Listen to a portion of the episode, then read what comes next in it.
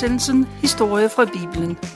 Mit navn er Tove Christensen, og teknikken sidder Jan Friberg.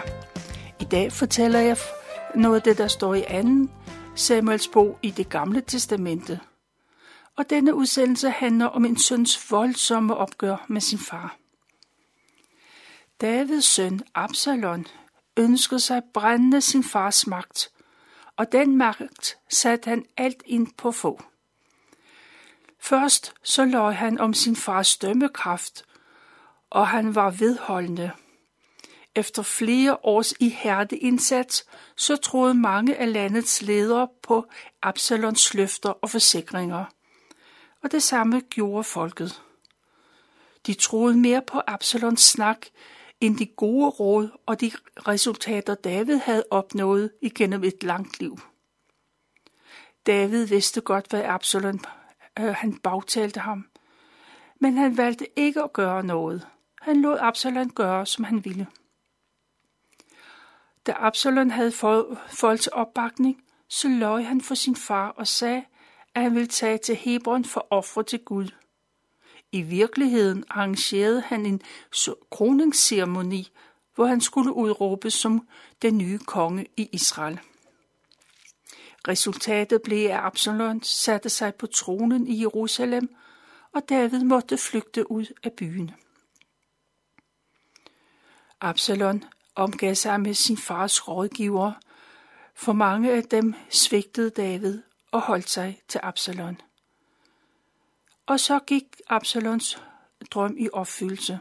Han havde magt, som hans far havde. Og da David flygtede, fordi han holdt af sin søn, men også fordi han ikke var sikker på, hvad der var Guds vilje. Hvis David ikke længere skulle være Israels konge, så ville han ikke stille sig i vejen. David lod afgørelsen være op til Gud. Men det gik hurtigt op for David, at Absalom ikke var kommet til, til magten på ærlig vis. Derfor var han parat til at kæmpe, hvis det skulle være.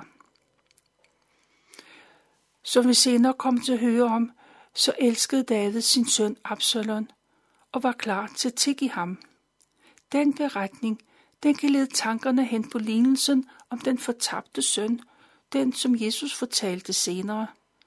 Den lignelse handlede om sønnen, der svigtede, men da han vendte hjem, så fik han sin fars tilgivelse. Ligesom den gode far, så er Guds kærlighed til mennesker stor. Han elsker os på trods af, alle vores fejl og svigt og mangler. David er et billede på Gud. Som sagt, så er Absalon en af Davids ældste sønner. Og han og David har et meget anstrengt forhold til hinanden, og det har de haft i flere år. De gode forhold blev ødelagt, da Absalon slog sin bror ihjel. Han var Davids første fødte. Absalom længes efter sin fars tilgivelse, og at far-søn forholdet igen skal være, som det engang var.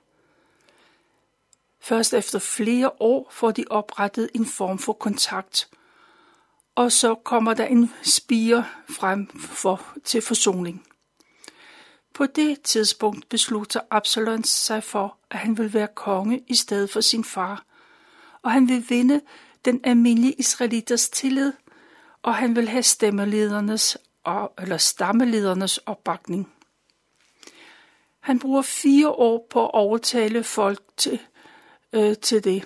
Han bagtaler David, og han fremhæver sine egen, øh, selv, øh, sin egne værdi i, højt til skyerne. Hans løfter er mange, og der er ingen ende på alt det gode, han vil gøre, hvis det var ham, der skulle bestemme. Og så tager Absalom til Hebron. Han er langt væk fra David og Jerusalem. Der råber man Absalom til at være konge over Israel. Men der går ikke mange timer, for David hører om den udnævnelse. Og David er med det samme klar over, at det kan betyde borgerkrig.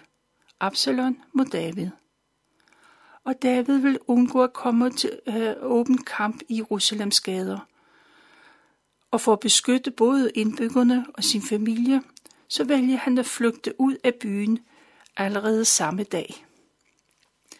David beordrer sine mange hustruer og børn til at slippe alt, hvad de har i hænderne. De skal forlade paladset med det samme. På vej ud af Jerusalem får David følgeskab af sine 600 trofaste krigere og deres familier. David og hans følge flygter over hans hoved. Men på vejen så etablerer David en efterretningstjeneste. Templets præster, de skynder sig hen og tager øh, pagtens ark, og så følger de efter David. Men de bliver stoppet ved by, bymuren. Pagtens ark skal blive i Jerusalem, og to af de loyale præster får til opgave at lytte godt efter, hvad der sker i gaderne. Og så skal de rapportere det hele videre til David. Lidt senere kommer også Davids ven og rådgiver Hushai. Men han skal heller ikke følge med David. Der er mere brug for ham i Jerusalem. David siger, at han skal forsøge at blive Absalons rådgiver.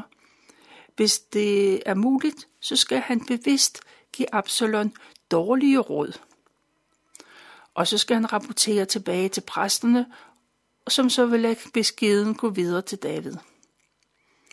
David og hans store følge, de er kommet lidt uden for bymuren, og de begynder at gå op ad oliebjerget. Deres mål er at nå op til Jordanfloden, eller ned til Jordanfloden. Der vil de slå lejre, og så vil de vente på nyt fra Jerusalem. Oppe i paladset i Jerusalem, der sidder Absalom. Han har et møde med landets ledere. Med til mødet er en af Davids tidligere rådgiver. Han var en af de allerførste, der valgte at forlade David for at slutte sig til Absalom. Til sønnen. Rådgiveren får ordet, og han siger, at han kender David og ved, at han er ked af den situation, der er opstået – men han er også en erfaren kriger. Rådgiveren siger, at hvis man skal op overrumple David og hans mænd, så skal man handle hurtigt. Hvis man venter for længe, så har man tabt. Derfor foreslår han, at man vælger 1200 soldater ud. Hvis de kan nå ind til hente David allerede i nat, så kan de helt sikkert møde en modløs og træt David. De vil nemt kunne finde ham og slå ham ihjel. Sådan er det gode råd. Og Absalon og landets leder nikker. Men Absalon, han vil nu alligevel være helt sikker på, at det nu også er et godt råd. Så han kalder på Husaj, ham som er Davids ven og allierede. Absalon spørger Husaj, skal de følge det råd, de har fået? Husser han tager anledningen og svarer, desværre, denne gang tager rådgiveren fejl. Det skal ikke så tit, men det råd er ikke godt. David og hans mænd, de er dygtige, og lige nu er de rasende som bjørne, der passer på deres unger.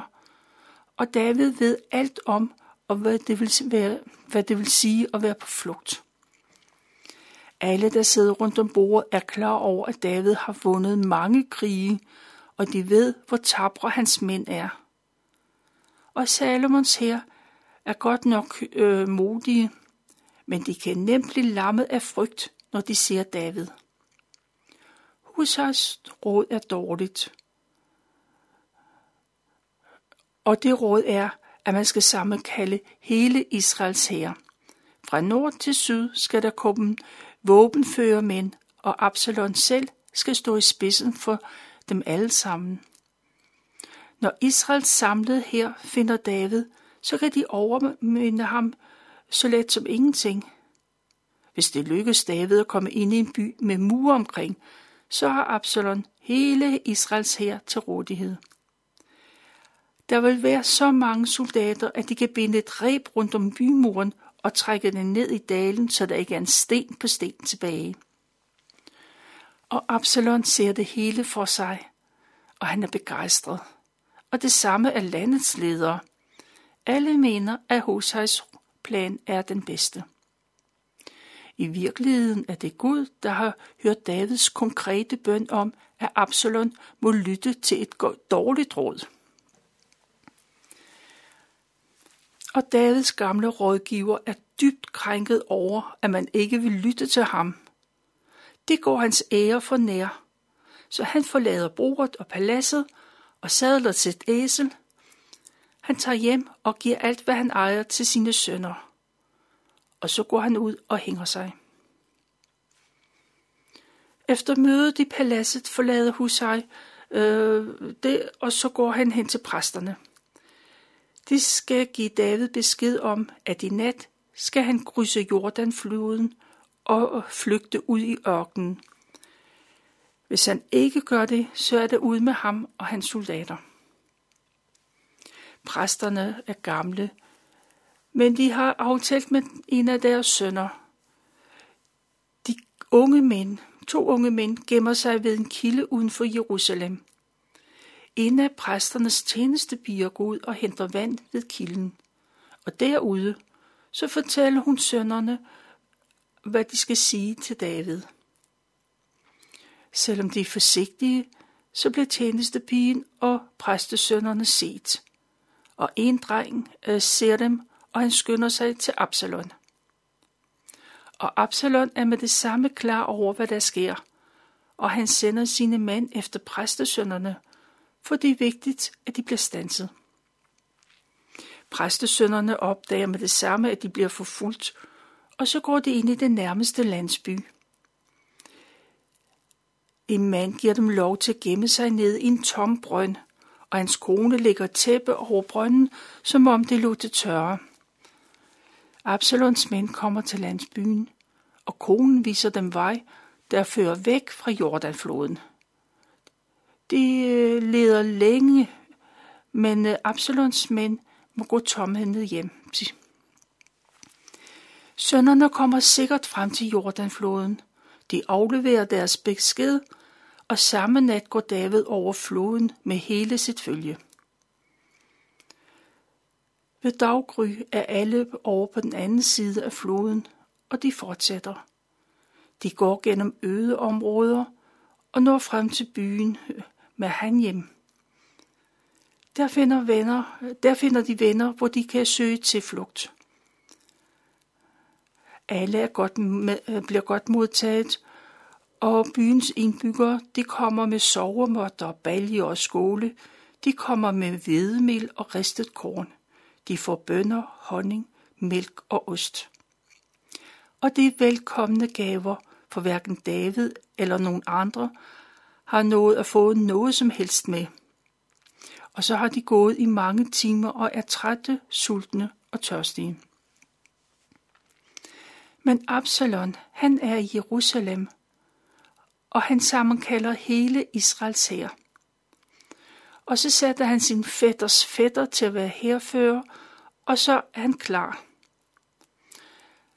Den store hær krydser Jordanfloden, og så slår de lejre ikke ret langt fra Davids opholdssted.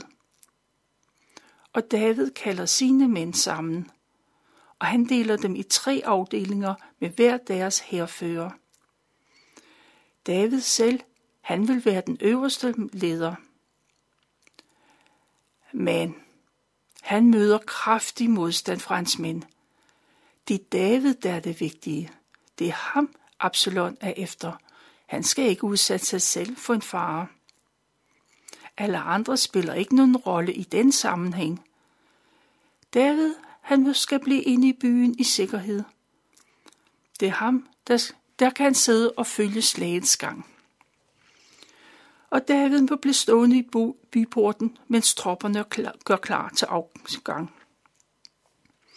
I sidste øjeblik giver David de tre herfører ordre til, at de skal skåne Absalons liv. Han må ikke blive dræbt. David har i alt 600 mænd, og de står over for Absalon og hele Israels hær. Sidst Israels hær de blev talt, så var der over en million soldater.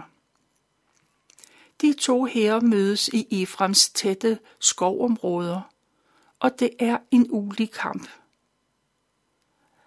Men Det er Israels hær, der lider nederlag.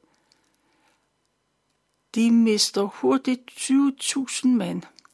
Mange bliver dræbt i kamp, men de fleste dør i en vild flugt igennem den tætte skov. Absalon kommer ridende på sit muldyr, da han møder nogle af Davids mænd. Absalon bliver bange og flygter. Hans muldyr løber ind under et stort egetræ, og Absalons lange, kraftige hår, det sætter sig fast i grenene. Det hår, som Absalon altid har været så glad for og stolt af. Muldyret løber videre, men Absalon bliver hængende og dingler i luften. Han kan ikke komme ned, og det ser en af Davids mænd. Men han tør ikke gøre Absalon noget, så han bliver hængende. Manden fortæller det, han har set til sin herfører, Joab hedder han. Har du set Absalon hænge i et træ, udbrød ham. Hvorfor slog du ham ikke ihjel? Men manden forsvarer sig med, at han ikke vil gå imod Davids ordre. Herfører Joab tager hurtigt tre spyd frem og løber hen til Absalon, der stadigvæk hænger og dingler. Joab støder alle spyd ind i brystet på manden. Absalon er død. Og så blæser herføren i sit horn. Det er et signal til, at man skal til indstille forfølgelsen. Israels hær, altså dem, der ikke er døde, de flygter, og så går de tilbage til deres hjem. Inde i skoven ligger man Absalons lig i et stort hul, og så dynger man sten over ham, for at han ikke skal blive spist af rovdyr.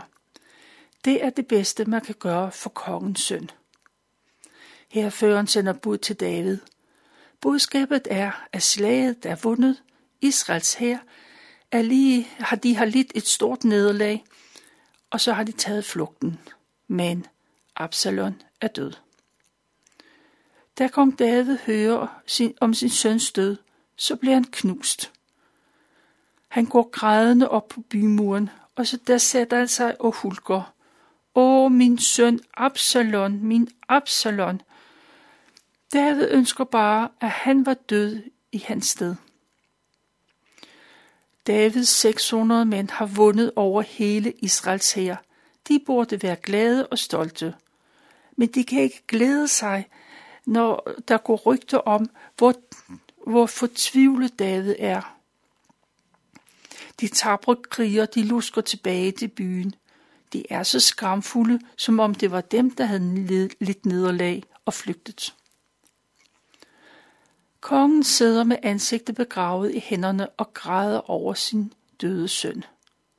Situationen er uholdbar. Joab, herføren, han er Davids ven. Han går op på bymuren.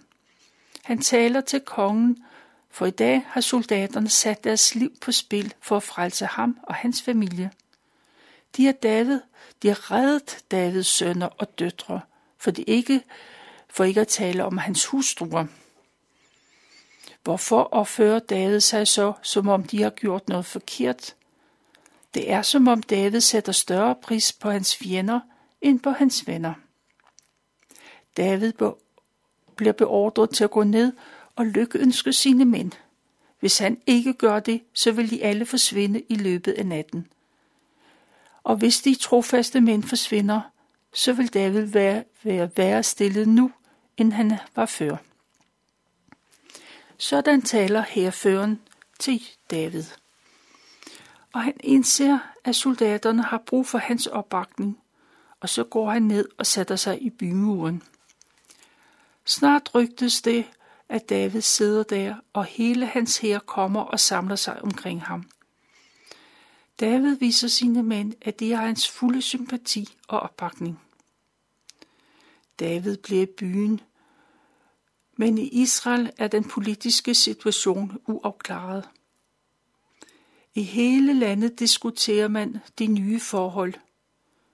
I de ti nordlige stammer i Nordriget taler man om, at nu hvor Absalon er død, så vil de igen udråbe David til deres konge. Det er trods alt ham, der smed filistrene ud af landet, og i sin tid salvede Gud David til konge. David hører om, hvordan stemningen er, og i de nordlige stammer, der er den god. Men han hører ingenting fra sin egen stamme, fra judariet. David sender bud til dem og spørger, om de ikke længere vil bakke ham op. Nordriget har allerede tilsluttet sig. Nu mangler det bare Sydriget, Judariget. David gør, hvad han kan, og så skynder han sig at udnævne en judæer til at være herrechef, og det gør udslaget. Judas leder beder David om at komme tilbage, også som deres konge. De kommer ned til Jordanfloden. Den store, brede flod er altid vanskelig at komme over. Det betyder som regel, at man skal vade i koldt vand og i mudder for at komme over på den anden side. De fleste er helst fri for den oplevelse. David står på den ene side af Jordanfloden, og Israels leder er samlet på den anden side. Alle landets spidser er kommet for at byde deres konge velkommen hjem. Og for ære David, så henter Jerusalem lederne, de henter deres konge. De går gennem flodens kolde vand og følger deres konge hjem. Der kommer mange til Jordanfloden for at byde David velkommen.